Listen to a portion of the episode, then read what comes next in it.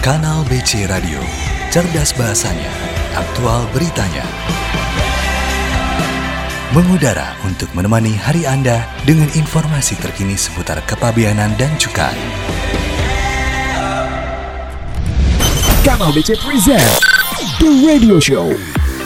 You are listening to Inside, update seputar kepabeanan dan cukai. Kanal BC Radio Custom News and Entertainment Station Selamat pagi sahabat BC di mana pun berada Hari ini saya Faizur siaran sendiri nih Tapi meskipun sendiri, wah saya ditemenin sama narasumber yang pastinya nggak kalah seru, nggak kalah insightful dibanding narasumber-narasumber yang sebelumnya sudah mengisi di kanal BC Radio.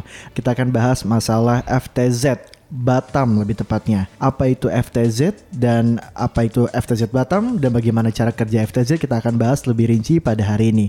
Hari ini sudah datang bersama saya perwakilan dari Direktorat Fasilitas Kepabianan Bapak Eri Utomo. Selamat pagi Pak Eri. Selamat pagi Mas Faisur. Apa kabar Pak? Sehat? Alhamdulillah baik. Alhamdulillah. Jadi hari ini seperti sudah saya singgung barusan Pak, kita akan ngobrol masalah FTZ di Batam nih lebih tepatnya Pak. Oke. Namun sebelumnya kita mau jelasin dulu dan saya mau nanya ke Bapak ini sebenarnya apa sih uh, FTZ itu Pak? Istilah apa itu Pak FTZ?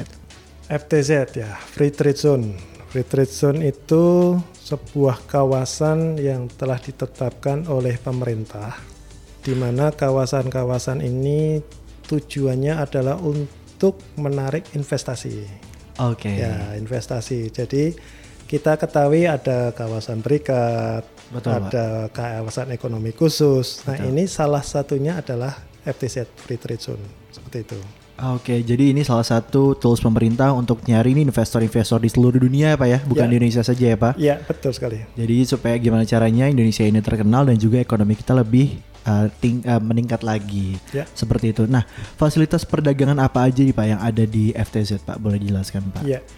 Eh, begini Mas Faisur, kalau kita mengetahui adanya sebuah kawasan khusus ya, Mhm. kawasan khusus ini kan otomatis tidak akan menarik kalau tidak ada fasilitas fiskalnya Betul, ya. buat apa juga kita nanam Nah, investasi di sana ya Pak? ya?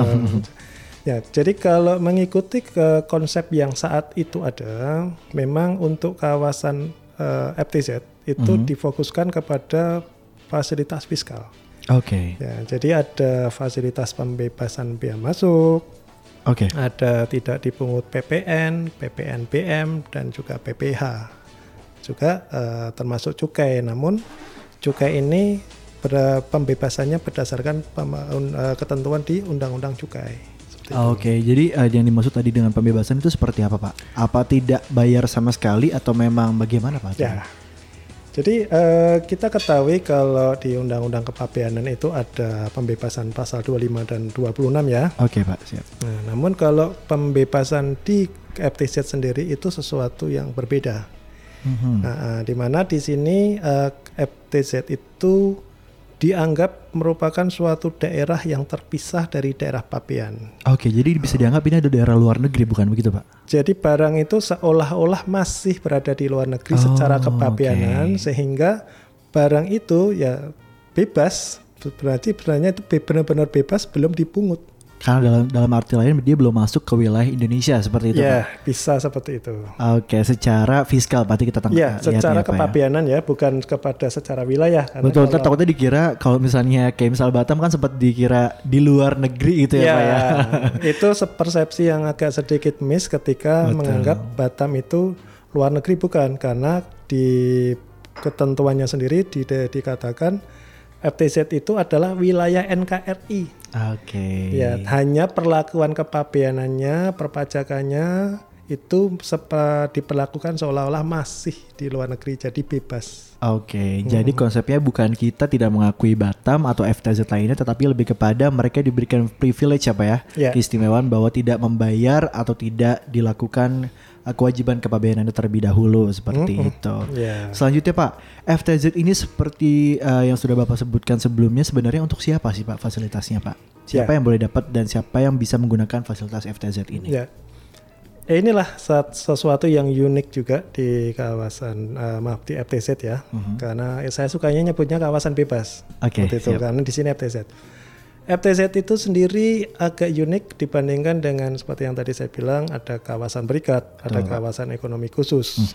Nah, di mana kalau kita bicara kepada kawasan berikat dan kawasan ekonomi khusus, dia lebih me- eh, kepada pengusaha atau pelaku usaha. Oke. Ya, tapi kalau kita bicara FTZ, Mhm. FTZ ini ditetapkan dalam satu pulau. Ada yang satu pulau, ada yang sebagian pulau, Mhm. di mana di situ berlakulah eh, fasilitas ini bukan hanya kepada pengusaha dulu rencananya untuk pengusaha, Mhm. tapi karena juga ada penduduk, ada eh, Pendatang di pemerintahan sana. di sana, Betul, sehingga Pak. setiap orang itu eh, secara langsung tidak langsung mendapatkan fasilitas tersebut. Contohnya seperti apa, Pak? Contoh, kalau kita lihat di kawasan berikat itu Mhm. Ka- katakanlah pembebasannya adalah untuk kepentingan manufaktur, Betul. bahan baku, bahan penolong seperti itu kan. Ya. Tapi kalau kita bicara di kawasan bebas, itu bahkan eh, HP, contoh kita HP ataupun Hmm, oke. kita em, laptop, eh, kosmetik, Mhm. tas dan lain-lain itu yang untuk kepentingan penduduk ataupun kepentingan konsumsi sehari-hari itu bisa mendapatkan pembebasan itu. Oke. Jadi semua jenis uh, barang yang ada di sana karena memang ada di wilayah bebas, tidak Ya. ada perlakuan kepabeanan sama sekali apa ya? Eh, hanya melalui pemberitahuan saja, namun untuk perlakuan fiskalnya belum dikenakan. Tetapi masalah pemeriksaan fisik seperti apa, Pak? Pemeriksaan fisik ini dia hanya diberlakukan da- untuk barang yang masuk ya, itu hanya untuk ketika ada nota hasil intelijen ataupun ketika ada pemeriksaan acak. Oke. Prinsipnya memang sebenarnya eh, untuk pemasukan barang ini yaitu tadi mendukung investasi, ya kita memang minimalkan seperti itu. Oh, jadi tidak uh, merepotkan atau tidak memberatkan orang-orang yang membawa barang itu ya, Pak ya? Ya, Namun uh, pernah nggak sih Pak ada permasalahan di FTZ ini seperti ada orang yang mungkin membawa barang palsu atau membawa uh, narkoba seperti itu Pak? Itu sempat pernah ketahuan nggak Pak? Oke, eh, begini Mas Faizur. Jadi kalau kita berbicara kepada narkoba ya, pertama narkoba. Betul Pak, barang-barang larangan. Betul. Narkoba ini yang sering terjadi ini kan juga eh, melalui barang penumpang Betul Pak. dan ada barang kiriman dan alhamdulillah selama ini teman-teman kita di KPU Batam, di Bintan, Karimun, Sabang juga itu telah melakukan kerja yang luar biasa. Sehingga eh, beberapa kali kita mendengar mendapatkan berita bahwa mereka melakukan penegakan-penegakan terhadap pa- penumpang yang membawa narkoba tersebut.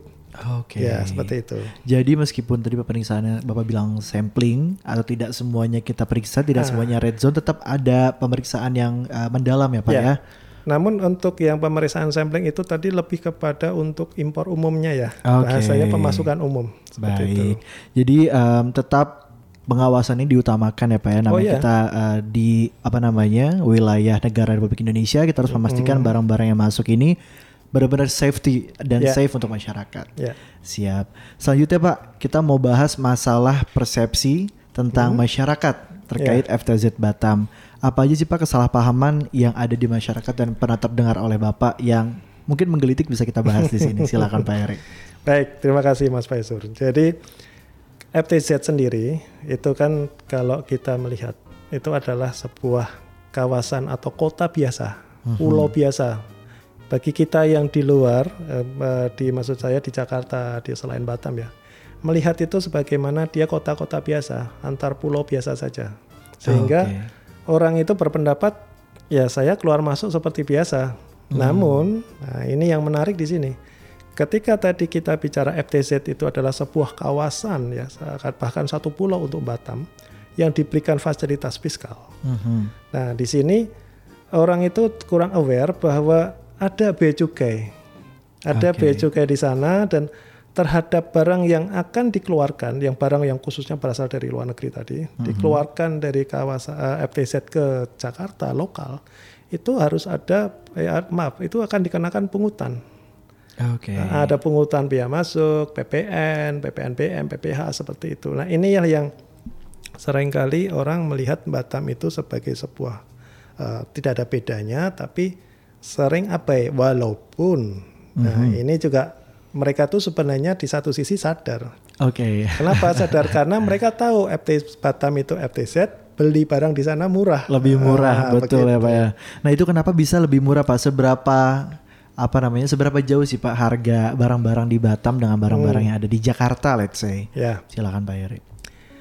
jadi kalau kita bicara harga itu memang bukan kewenangan kita ya, karena kita eh, serahkan itu kepada masalah pasar ya, Mhm. pasar. Namun secara teori, ketika barang itu belum dipungut bea masuk, PPN, PPNBM dan PPH, Betul Pak. otomatis barang itu pastinya harusnya lebih murah.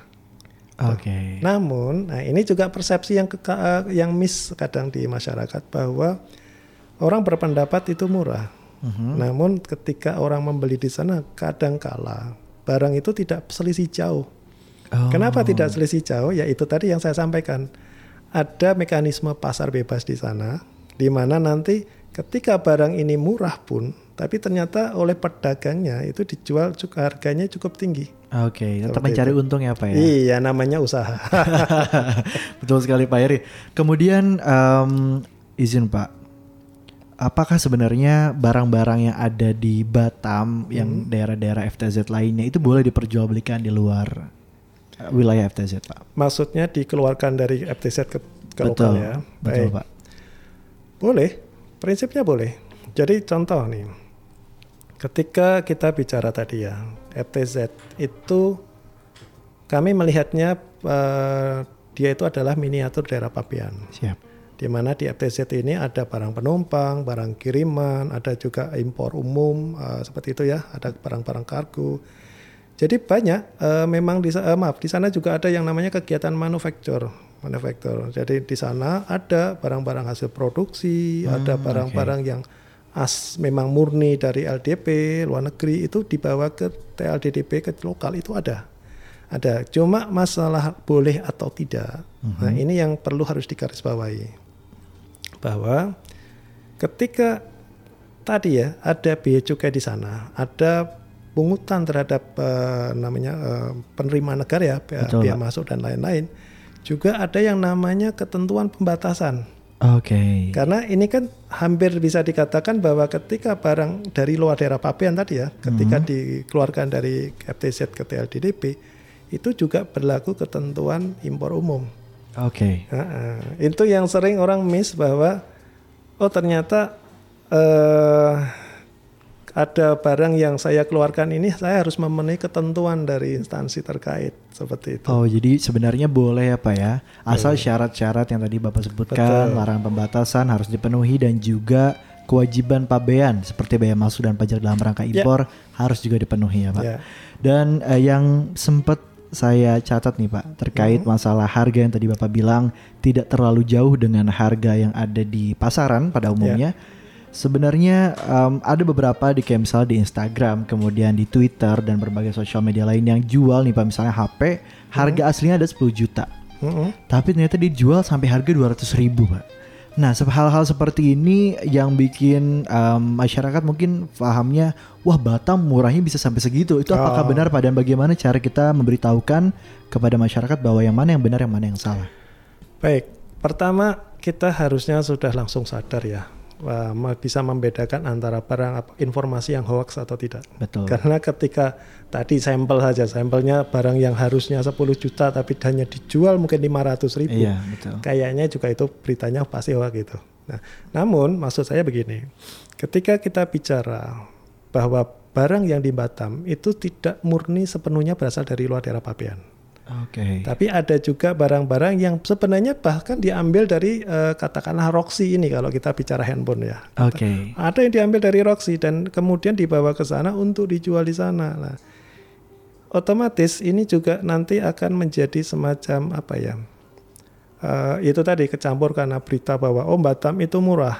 Mhm. Batam itu murah ya kalau mereka tahu itu memang dibebaskan tapi Betul. seharusnya begitu dikeluarkan ya itu dipungut lagi dipungut itu. biaya masuknya dan pajak-pajak Iya, lainnya ya Pak ya. betul. Oke, jadi teman-teman sahabat BC di mana pun berada harus hati-hati nih, jangan termakan karena harga yang murah aja, misal sampai 500 ribu gitu kan, terus dibeli dan ternyata itu penipuan bisa jadi apa ya, bisa jadi barang palsu dan lain sebagainya.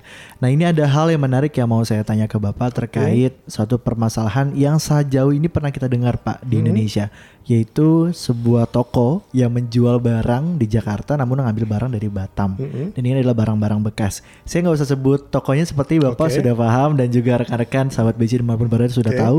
Dan ini boleh sih Pak jelasin Pak, apa sih permasalahan si toko ini bisa menjual barang-barang tersebut dan uh, Hmm. apa titik salahnya dan apa yang bisa kita harus aware terkait hal itu? Silakan Pak Eri. Ya, baik terima kasih Mas Faisur. Jadi kalau kita sebagai pembeli, ya otomatis kita nggak tahu ya barang yang ada di pasaran Jakarta katakanlah ini berasal dari mana, bagaimana dan lain seperti nggak tahu. Namun untuk yang sebagai si pembawa barang dari KFTZ tadi ke, ke lokal Jakarta contoh, kita harus bisa memastikan bahwa apakah yang bersangkutan itu tadi sudah melakukan pemberitahuan. Oke. Nah, pemberitahuan pabean ya di sini ya. Yang kedua, apakah dia juga sudah melakukan eh, pembayaran pemenuhan kewajiban atas biaya masuk dan lain-lain.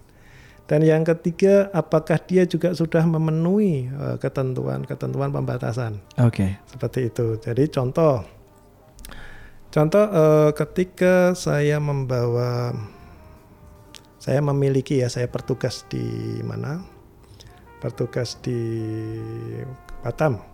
Coba. Kemudian saya membeli mobil. Oke. Saya contoh ini yang enak aja, mobil, mobil, mobilnya adalah mobil build up. Oke. Itu lah ketentuannya tidak boleh dibawa keluar. Mhm. Tapi ketika saya eh, bisa membawa keluar, eh, maka itu bisa bisa dipastikan eh, bodong STNK-nya. Oke. Karena tidak ada pemberitahuan, juga otomatis dari instansi terkait tidak berani, tidak akan mengeluarkan eh, surat-surat resmi terkait dengan kendaraan tersebut. Oke Nah, baik. seperti itu. Jadi em, tadi sudah saya, sudah bapak sebutkan bahwa ada beberapa kriteria yang harus kita lihat. Ini sebagai kacamata bea cukai berarti ya Iya, pak ya. betul. Kalau sebagai masyarakat berarti kita nggak bisa tahu ya pak. Ini barang legal apa enggak, benar apa enggak kita nggak bisa tahu ya pak. Eh, kita kalau untuk yang saat ini ya, Betul. kalau saat ini ya tadi dicontohkan oleh Mas Waizur bahwa ada produk-produk tertentu yang ada kepentingan apa ya, kewajiban untuk registrasi. Betul. Nah, registrasi Betul, contoh seperti eh, handphone, komputer dan tablet Ya. berdasarkan eh, Kominfo nomor 1 tahun 2020. Betul. Nah, itu kita tahu oh bahwa ketika barang ini eh, kita mungkin tidak tahu ini berasal dari mana, tapi at Mhm. least ketika barang ini di pasaran dan saya tidak bisa melakukan registrasi atau saya melakukan registrasi tapi tidak bisa aktif, berarti ini barangnya adalah barang Oh, ilegal. Oke.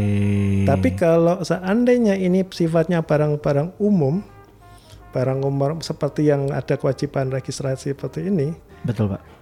mungkin akan lebih sulit untuk mengetahui bagi kita si eh, pembeli ya calon pembeli barang ini sudah sudah resmi atau tidak ya seperti itu. Hmm, Jadi kalau misalnya kayak gini masyarakat juga masih belum bisa ikut turut andil ya pak ya eh, untuk melaporkan atau untuk apa namanya mengambil bagian dalam Ya. membasmi barang ilegal ini. Kalau terkait dengan yang tadi barang-barang yang saya sebut contoh yang tadi eh, Handphone. handphone, Betul. komputer dan tablet ya HKT itu tentu masyarakat bisa berpartisipasi.